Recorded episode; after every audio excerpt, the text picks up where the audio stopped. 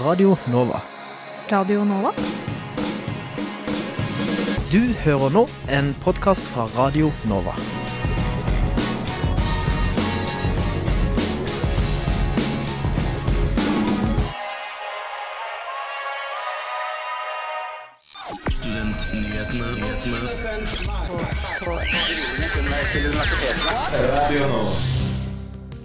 Siden 2017 har grunnskolelærerutdanningen vært femårig. Nå etterlyser lærestedene midler til å finansiere det siste utdanningsåret. Teaterlærere som tidligere har fått sparken fra KIO pga. Av seksuell trakassering, har nå inngått forlik med skolen etter at han klaga på vedtaket fra skolen. I 2016 ble staten saksøkt av miljøorganisasjonene Natur og Ungdom og Greenpeace for å tildele nye lisenser for oljeboring i Barentshavet. Denne uken startet den andre rettsrunden i det såkalte klimasøksmålet. Mer opplæring i kjønns- og seksualitetsmangfold må inn i utdanningsløpet til lærere og barnevernspedagoger. Det mener stortingsrepresentant Une Bastholm i NDG. NTNU er den utdanningsinstitusjonen med best omdømme. Det viser en ny undersøkelse fra analysebyrået Ipsos. Hei og velkommen til Studentnyhetene denne fredagen. Klokken er blitt 11, og du hører på Radio Nova. Mitt navn er Lina Therese Rosenberg. Og jeg heter Katrine Oppheim.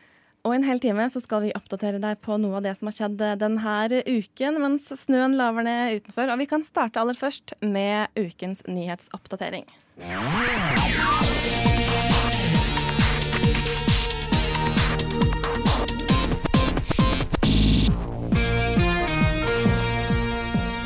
Denne uka har det vært åpen høring i Stortingets familie- og kulturkomité om skeiv politikk. Representantforslagene som har blitt handla, er Arbeiderpartiets forslag om styrking av LHBTI-politikken og MDGs forslag om en aktiv regnbuepolitikk for å styrke kjønns- og seksualitetsmangfold.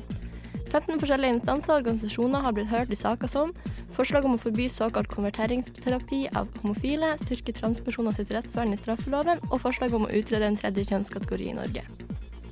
Tankesmien Agenda har produsert et notat og holdt et møte sammen med Norsk studentorganisasjon om like muligheter til utdanning i Norge. De problematiserer at barn av akademikere og andre med høye utdanninger tar mest utdanning, noe som fører til sosiale forskjeller reproduseres. I sitt notat skriver de at sosial reproduksjon i utdanningssystemet er et problem fordi lav sosial mobilitet er urettferdig, fordi kunnskap er et fellesgode, og fordi samfunnet taper på underutdanning.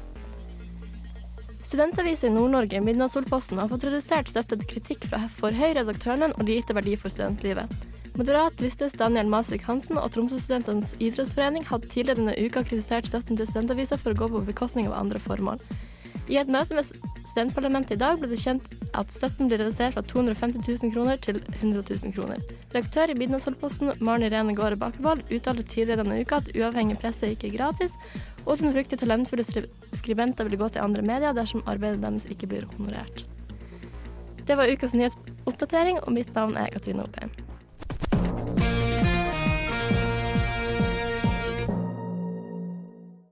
Siden 2017 har grunnskolelærerutdanningen vært et femårig studium, men fremdeles er det uavklart hvordan det femte året skal finansieres.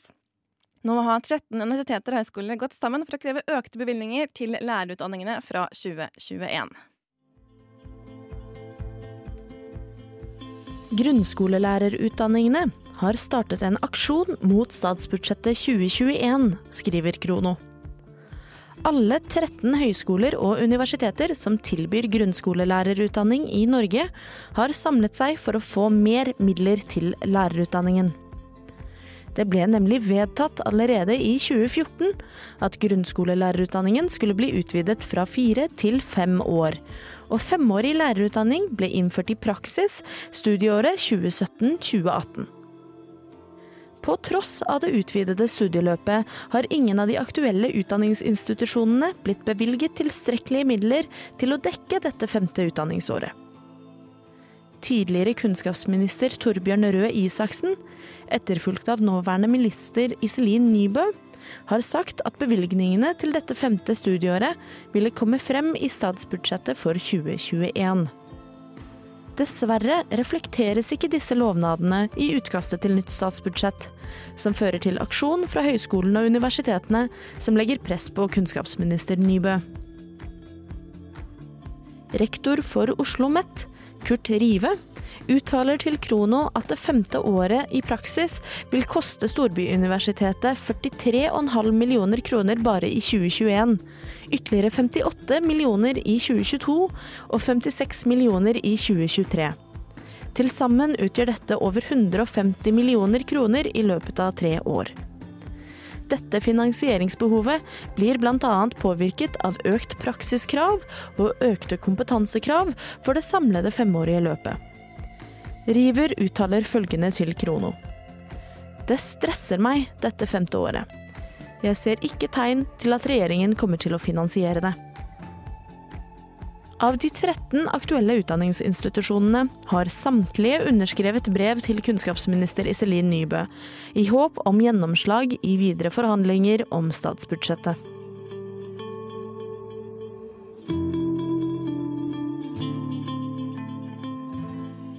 Og reporter her, det var Robin Frøyen. I desember i fjor fikk en ansatt ved Kunsthøgskolen i Oslo sparken etter en trakasseringssak. Nå er det inngått et økonomisk forlik med den tidligere teaterlæreren og Kunsthøgskolen.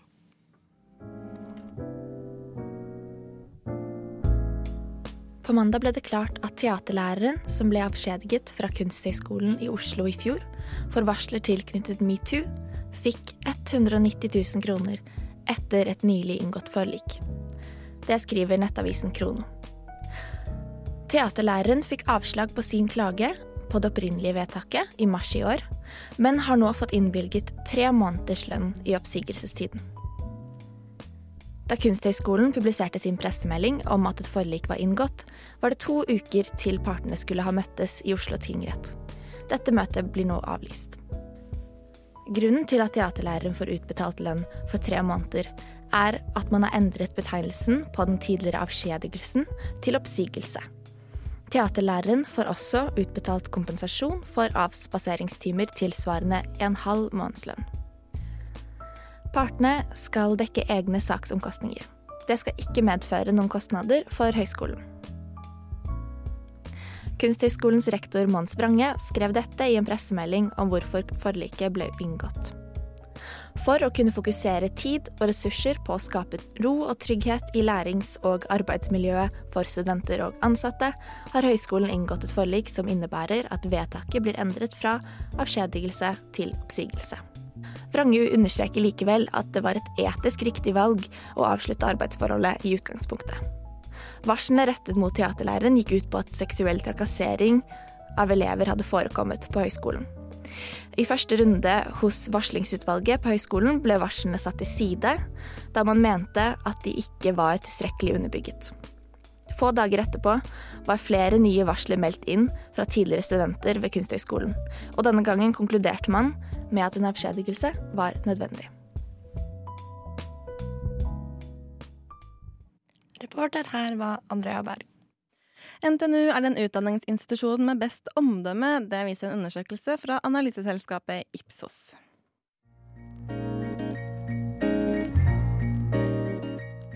NTNU har Norges beste rykte. Dette viser en ny omdømmeundersøkelse gjort av Ipsos MMI, offentliggjort i en artikkel i Krono på tirsdag. Ipsos har foretatt en undersøkelse hvor de har sett på 13 utvalgte høyskoler og universiteter. Videre har de bedt respondentene svare på hvor godt omdømme de mener utdanningsinstitusjonene har. Undersøkelsen har blitt besvart av et kvalitativt utvalg på ca. 1000 tilfeldige respondenter fra den norske befolkningen. NTNU topper listen med 68% som svarte at de har et meget eller ganske godt inntrykk av universitetet. Norges idrettshøyskole tar andreplassen med 61% mens Universitetet i Oslo havner på tredje med 53% godt omdømme. Oslo MET ligger på niendeplass, men sisteplassen er kapret av Høgskolen Kristiania. Karen Lillebø, prosjektleder hos Ipsos MMI, sier i en uttalelse til Krono at omdømmebygging foregår over tid, og at skoler som Oslo MET og Høgskolen Kristiania kan ha mistet status som følge av navneendring og sammenslåing.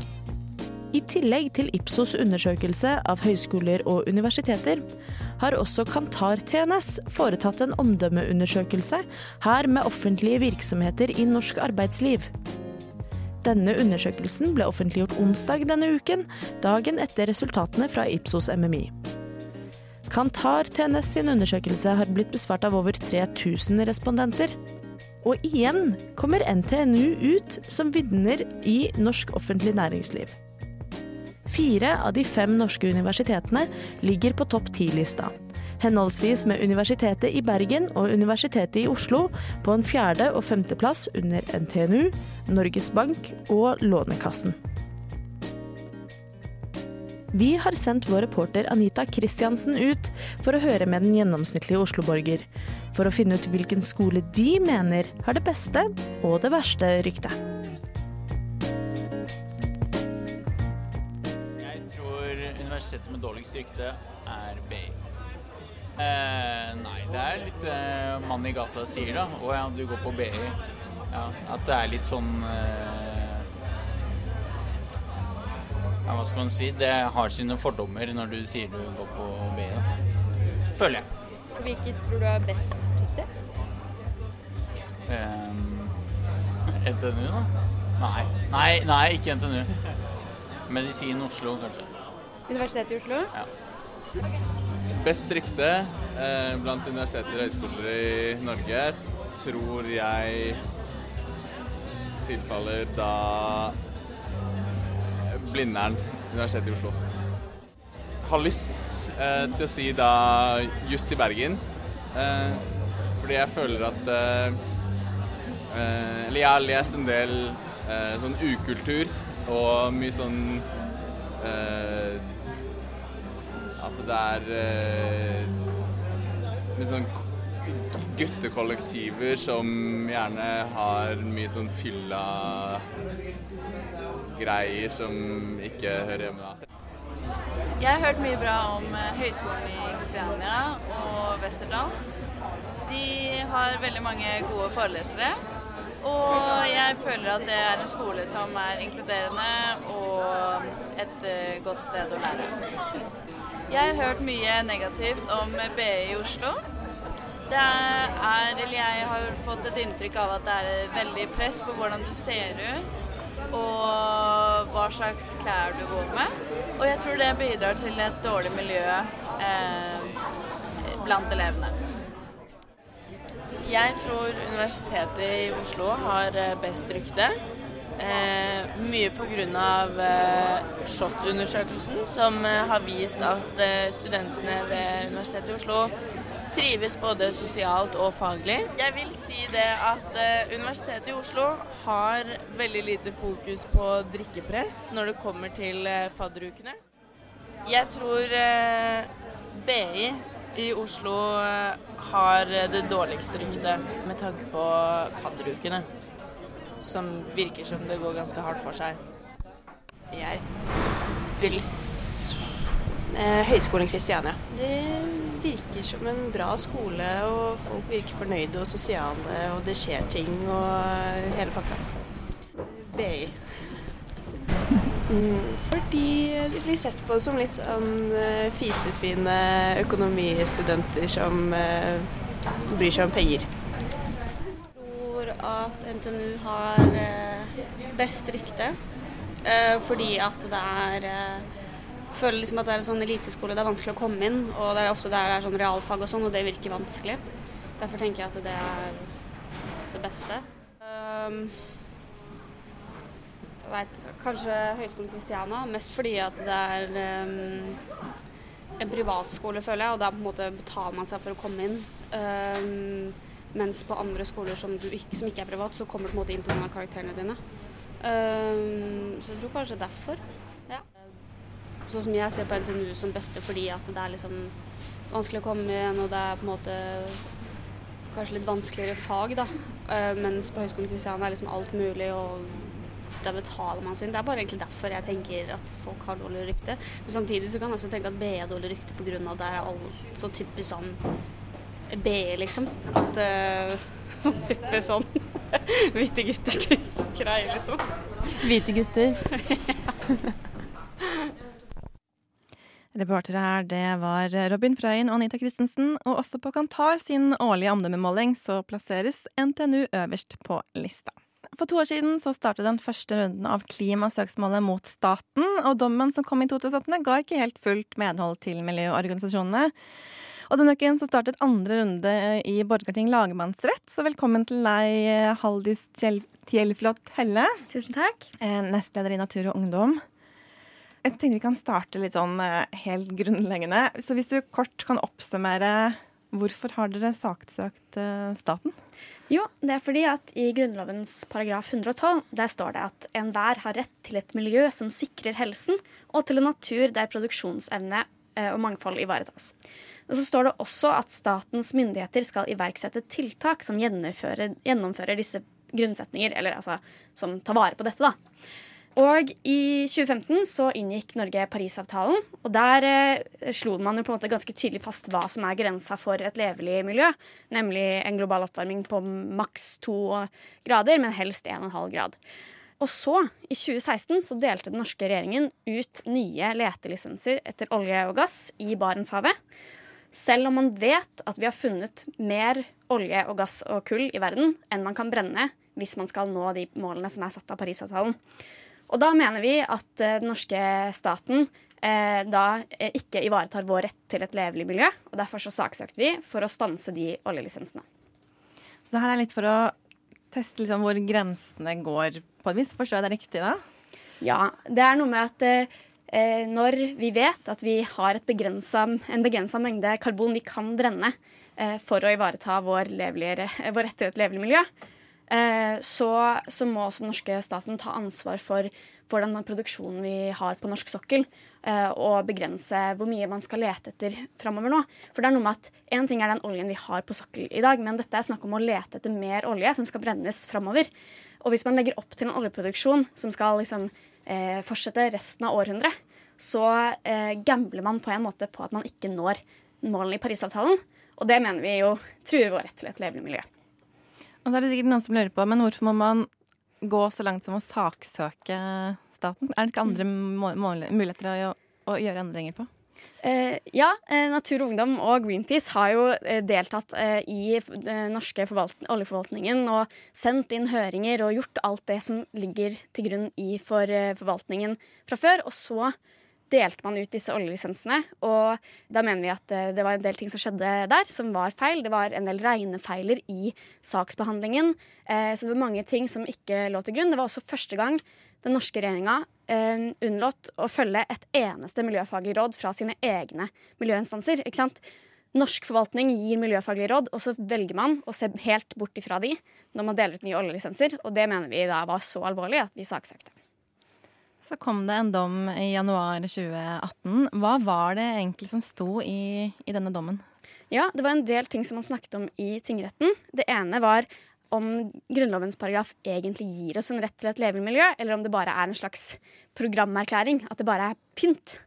Og den eh, dommen fra tingretten slo fast at vi har faktisk rett til et levemiljø, miljø, og at staten også må ha store nok, gode nok tiltak til å ivareta den retten. Det holder ikke at man bare har miljøpolitikk. Det mente staten. At så lenge man hadde noe miljøpolitikk, så var det, var det å ivareta den retten. Men man må faktisk ha tiltak som er eh, adekvate, da, med tanke på hva slags utfordringer man har. Eh, grunnen til at vi anket, det var fordi at eh, eh dommen den, eh, den, sier at utslipp fra norsk olje som forbrennes i utlandet, ikke skal regnes med. Og vi mener at eh, fordi vedtaket om å eh, finne denne oljen skjer i Norge, så må man også ta ansvar. ikke sant? Klimautfordringen er helt enorm, og, og, siden forrige runde så har vi bare fått enda mer kunnskap om hvor alvorlig denne krisen er. Men vi vet at vi har funnet mer olje og gass og kull enn kan, som kan forbrennes. Og da må man avstå fra å gi disse tillatelsene. Så derfor så, så anket vi. Nå har det jo gått en del tid fra januar 2018 og til nå november 2019. Hva er det dere har gjort eller jobbet med i mellomtiden? I mellomtiden så, så har Natur og Ungdom jobbet med veldig mange andre ting når det gjelder olje og gass. Vi jobber bl.a. med å eh, det kommer en ny sånn forvaltningsplan for Barentshavet, hvor man skal sette nye grenser for hvor man kan bore etter olje, og hvilke områder som er sårbare. Så det har vi jobbet med. Men så har vi også jobbet med å, å sørge for at vi har måte eh, argumentene på og liksom kunnskapen på vår side. Det kom jo en ny rapport fra FNs klimapanel blant annet, som jo understreker at klimaproblemet faktisk er enda mer alvorlig enn det vi trodde da vi faktisk saksøkte staten. Eh, så det, ja, er noen av de tingene vi har jobbet med. Men opplever dere at dere har styrket saken deres eh, nå til andre runde? Ja, jeg mener at eh, den kunnskapen som vi har fått siden, siden, forrige gang, viser jo at klimaproblemet er enda mer alvorlig enn vi har trodd. Og i tillegg så er det sånn at Norge har enda ikke klart å nå sine klimamål. Vi har jo hatt klimamål i 30 år uten å nå et eneste av dem, og det ser ikke ut som vi når målet for 2020 heller. Um, så derfor så mener jeg at det er enda bedre grunn til å gjøre disse um, oljelisensene ugyldige, fordi vår rett til et levemiljø er faktisk helt reelt trua nå, og da må man gjøre store grep. Så starter da andre runden denne uken. Eh, hva er det som har skjedd? Kan du si litt om det som har skjedd i den første uken i, i retten? Mm. Første uken den startet med at eh, advokatene la fram sin en slags innledning, og at eh, de ulike partene i søksmålet fikk lov å presentere sitt syn. Så både Natur og Ungdom og Greenpeace, men også våre partshjelper, Besteforeldrenes klimaaksjon og Naturvernforbundet, som har gått inn for å støtte oss, fikk presentere hvorfor vi eh, har saksøkt staten. Og så har vi hatt en del vitner som har redegjort for både hvor alvorlig klimaproblemet faktisk er, men også eh, for en del regnefeil som er gjort i eh, utdelingen av 23. konsesjonsrunde, og eh, noen forskere fra SSB som har regna på hva det faktisk vil si om man kutter i norsk oljeproduksjon. Fordi de har regna på hva det vil si å stanse norsk oljeproduksjon, og kommet fram til at det faktisk vil ha en reell effekt å kutte utslipp globalt. Så det var en av de tingene vi ville bevise. Og så nå har vi kommet til hovedinnlegget, da, hvor advokatene argumenterer for hvorfor um, dommerne må, må, dømme. Det blir jo en del sånn medieoppstyr og ting når man er i en eh, rettssak mot staten. Hva slags reaksjoner får dere egentlig fra alle kanter? Det er litt eh, varierende om man er enig med oss eller ikke. Det er jo en del stortingspolitikere som har gått ganske kraftig ut mot eh, søksmålet og sagt at man kommer til å endre loven dersom vi vinner, som jo er en spennende tanke. Men eh, vi har også fått utrolig mye støtte, ikke bare nasjonalt, men internasjonalt. Blant annet har FNs spesialutsending for miljø og menneskerettigheter, David Boyd, gått ut og støttet eh, søksmålet og sagt at det er på tide at Norge begynner å se på sin egen oljeproduksjon i et klimaperspektiv. Så hvis dere vinner, så er måtte, ikke nødvendigvis kampen over likevel? Pga. mulige endringer i, i lovverket? Var det sånn jeg forsto det nå? Eh, ja, altså alt kan jo skje i norsk, norsk eh, storting. Jeg vil si at det er ganske alvorlig hvis Stortinget, eh, etter at de har fått en dom fra domstolen, endrer Grunnloven eh, på bakgrunn av det for å ødelegge miljøet mer. Men kampen for klima vil jo fortsette fram til vi faktisk er i nullutslipp. Eh, dette vil jo selvfølgelig ha utrolig stor betydning for norsk, eh, norske utslipp, men det er ikke det eneste stedet man må kutte klimagassutslipp. Sånn helt eh, kort til slutt. Hvis dere taper nå, hva gjør dere da? Da anker vi til Høyesterett. Da anker dere til Høyesterett. Tusen takk for at du kom til Studentnyhetene, Halldis Tjellflot Helle, nestleder i Natur og Ungdom. Jeg har egentlig sagt det, men jeg kan si det en gang til. Radio Nova. Radio Nova. På, på DAB og nettradio. På radionova.no. Jeg har egentlig sagt det, men jeg kan si det en gang til. Radio Nova. Tirsdag denne uken var det høring i Stortingets familie- og kulturkomité om en hel rekke politiske forslag på LHBT-feltet, og der var dere også i Sex og politikk. Velkommen til eh, deg, Kjersti Ausli. Tusen takk. Du er rådgiver og jobber en del med undervisningsfeltet ja. eh, hos Sex og politikk. Mm. Og et av forslagene som eh, har kommet eh, fra Miljøpartiet, eh, og som det var høring om på tirsdag, det handler om at lærer, altså utdanningen av lærere og barnevernspedagoger, der så må man ha mer opplæring i kjønns- og seksualitetsmangfold. Og dette er dere helt enige i. Hvorfor er det her så viktig? Nei, det er litt det at um, lærerne får den kompetansen de trenger da, for å undervise i det her. For det er flere kompetansemål, og det kommer fortsatt til å være i de nye læreplanene. Flere kompetansemål som går på seksualitet, som går på kjønn. Og det er elever de møter, som altså, er Altså, ja. Så de trenger absolutt en kompetanseheving på det her. Og det skal ikke være sånn at lærere føler at å, det her vil jeg ikke snakke om, det her vil jeg ha noen andre som skal snakke om. Det skal de få en Ja, de skal styrkes i det å ta opp det i klassen og se det i klassen sin. Men tenker dere altså at det her er kunnskap som er viktig å ha uavhengig av undervisningssituasjonen, men mer en sånn oppfølgingssituasjon? Er det mulig å tenke det på den måten? Ja, det blir jo både òg, men undervisning blir også veldig viktig. Um, du har, hvis du har kompetansemål som går på at uh, elevene skal kunne ting når det gjelder seksuell orientering og kjønn, så er det viktig at læreren tar det ansvaret da, og lærer elevene om akkurat de her temaene. Men når vi snakker om seksualitetsmangfold, mm. eh, hele den potten er jo ganske stor. Ja. Hvis vi kan liksom komme med noen eksempler, hvilke temaer er det dere mener at altså, lærere må læres opp i? Ja. Lærere må læres opp i generelt hvordan å ha god seksualitetsundervisning som er aldersskilspassa eh, elevene sine. Og de må lære seg hvordan Altså ikke alle lærere må læres om det her, men det er veldig fint hvis du har det i lærerutdanninga, for hvordan ellers. Det er mange lærere, vet vi, som syns det er et vanskelig tema. Så da må det være inngå i lærerutdanninga, om hvordan du skal lære bort om f.eks. seksualitet, om seksuell orientering osv. Svarte jeg på spørsmålet? eh, men du nevnte også dette med at uh, de må lære å lære mm. det bort. Det er litt sånn todelt, på en måte. da. At du skal både ha kunnskap om det og kunnskap om ja. og lære det videre. Ja, for én ting er på en måte det man har fått med seg litt her og der osv. Og, så og så er det et hakket videre da, som er ganske mye vanskeligere, å lære bort om det. Men så er det også det med alt vi gjør, da, at man blir normkritisk, som er også en del av det her forslaget. At når man snakker om foreldre, når man snakker om familie, når man snakker om parforhold, når man snakker om seksualitet eller sex, så skal man ikke anta at alle er heterofile. Man skal på en måte romme det at det er stor variasjon her, og ikke på en måte ta utgangspunkt i at alle er like når det gjelder seksuell orientering eller kjønn og hvordan man ser på kjønn osv. Og, det, og det er noe som mange syns er vanskelig, og som det ja, trengs en kompetanseheving på. Og så er det ganske mange som jobber med barn og ungdom i løpet av ens eh, liv. Er det andre utdanninger som også bør få mer opplæring og kunnskap i dette temaet?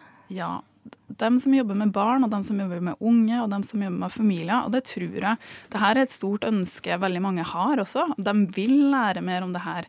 Man vil vite mer om det. Og det er litt det at samfunnet også sier at det her er noe vi prioriterer. For det er veldig lett å Altså, vi sier OK, du skal undervise i matematikk. OK, du må, du må kunne det her og det her og det her, og du må i hvert fall kunne geometri osv. Eh, og det skal du lære når du går på studiet, ikke sant.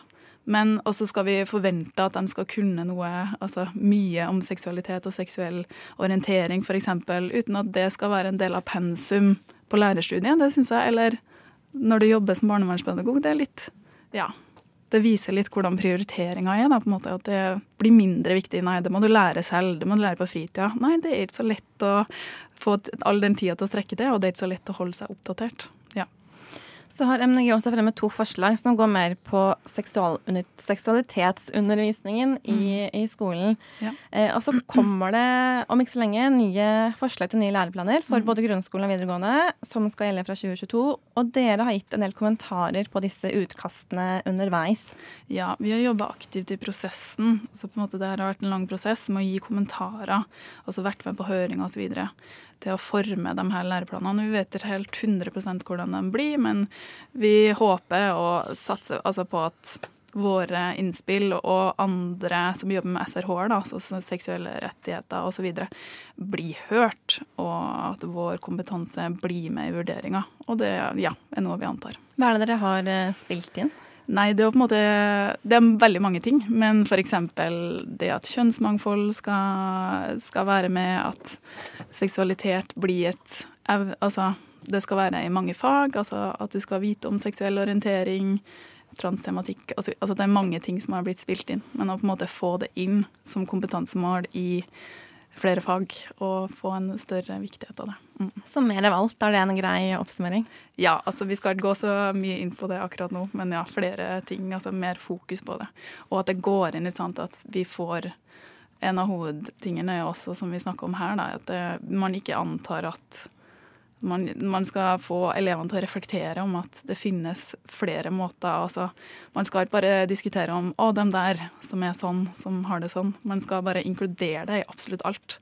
Man skal ikke ja, snakke om det som en minoritet som Eller man skal Det blir jo en minoritet, men man skal ikke lage det utenfor altså, dem der som er sånn. Det skal på en måte bare inkluderes i alt. Og det tar tid. Det tar tid å innarbeide det språket, eh, måten man tenker på osv. Mm. Men opplever dere at dere blir hørt når dere leverer høringssvar og kommer med innspill?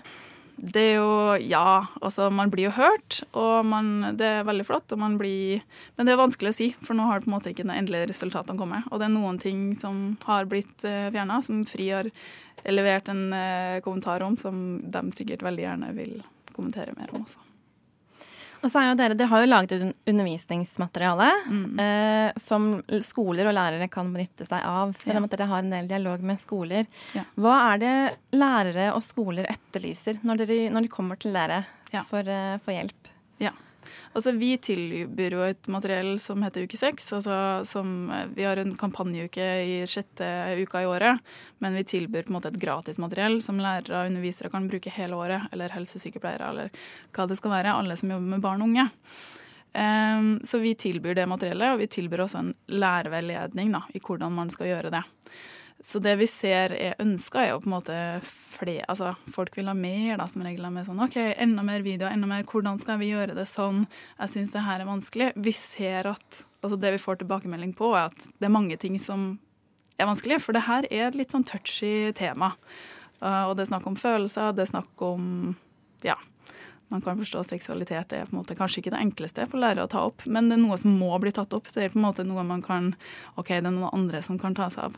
For det går ikke. For det skal være alderstilpassa. Det skal ikke bare være i niende klasse at du får inn noen, og det er kjempeflott at du får inn noen i klasserommet som snakker om seksualitet, men det må også være noe du som lærer da, tar litt ansvar for. Og det er du som følger elevene, det er du som ser dem. Eh, og det er du som legger merke til oi, de var litt annerledes i dag når vi snakka om det her. Um, ja. Og jeg tror også, altså, jeg håper jo også foreldre deltar eh, aktivt på det her. Men det er litt sånn det også med å utjevne, altså at skolen tar det ansvaret. da, At alle får Og det er veldig altså, Vi vet at en av de mest brukte skjellsordene i skolegården er hore og homo.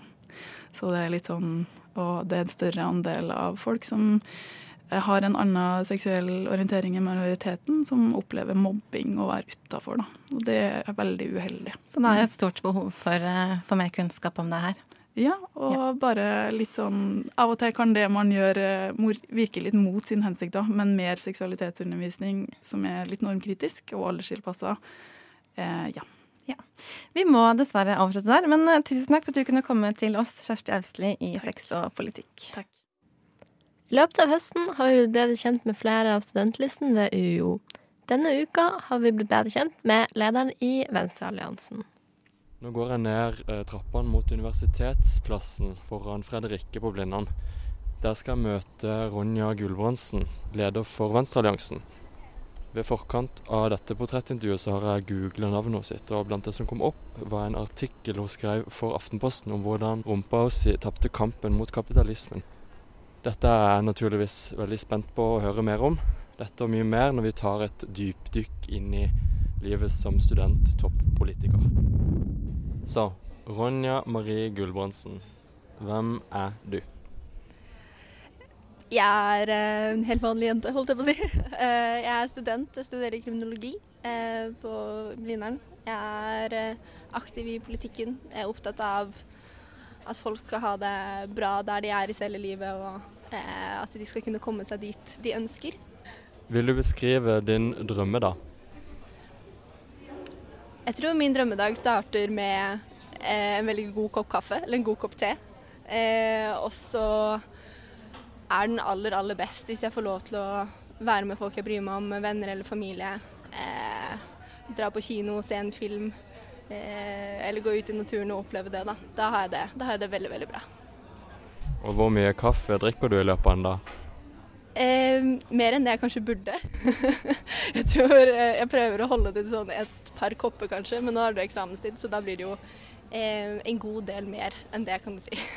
en god del mer enn det som er holdt på å si, anbefalt. Ja. så vil jeg vite det verste du har opplevd som studentpolitiker.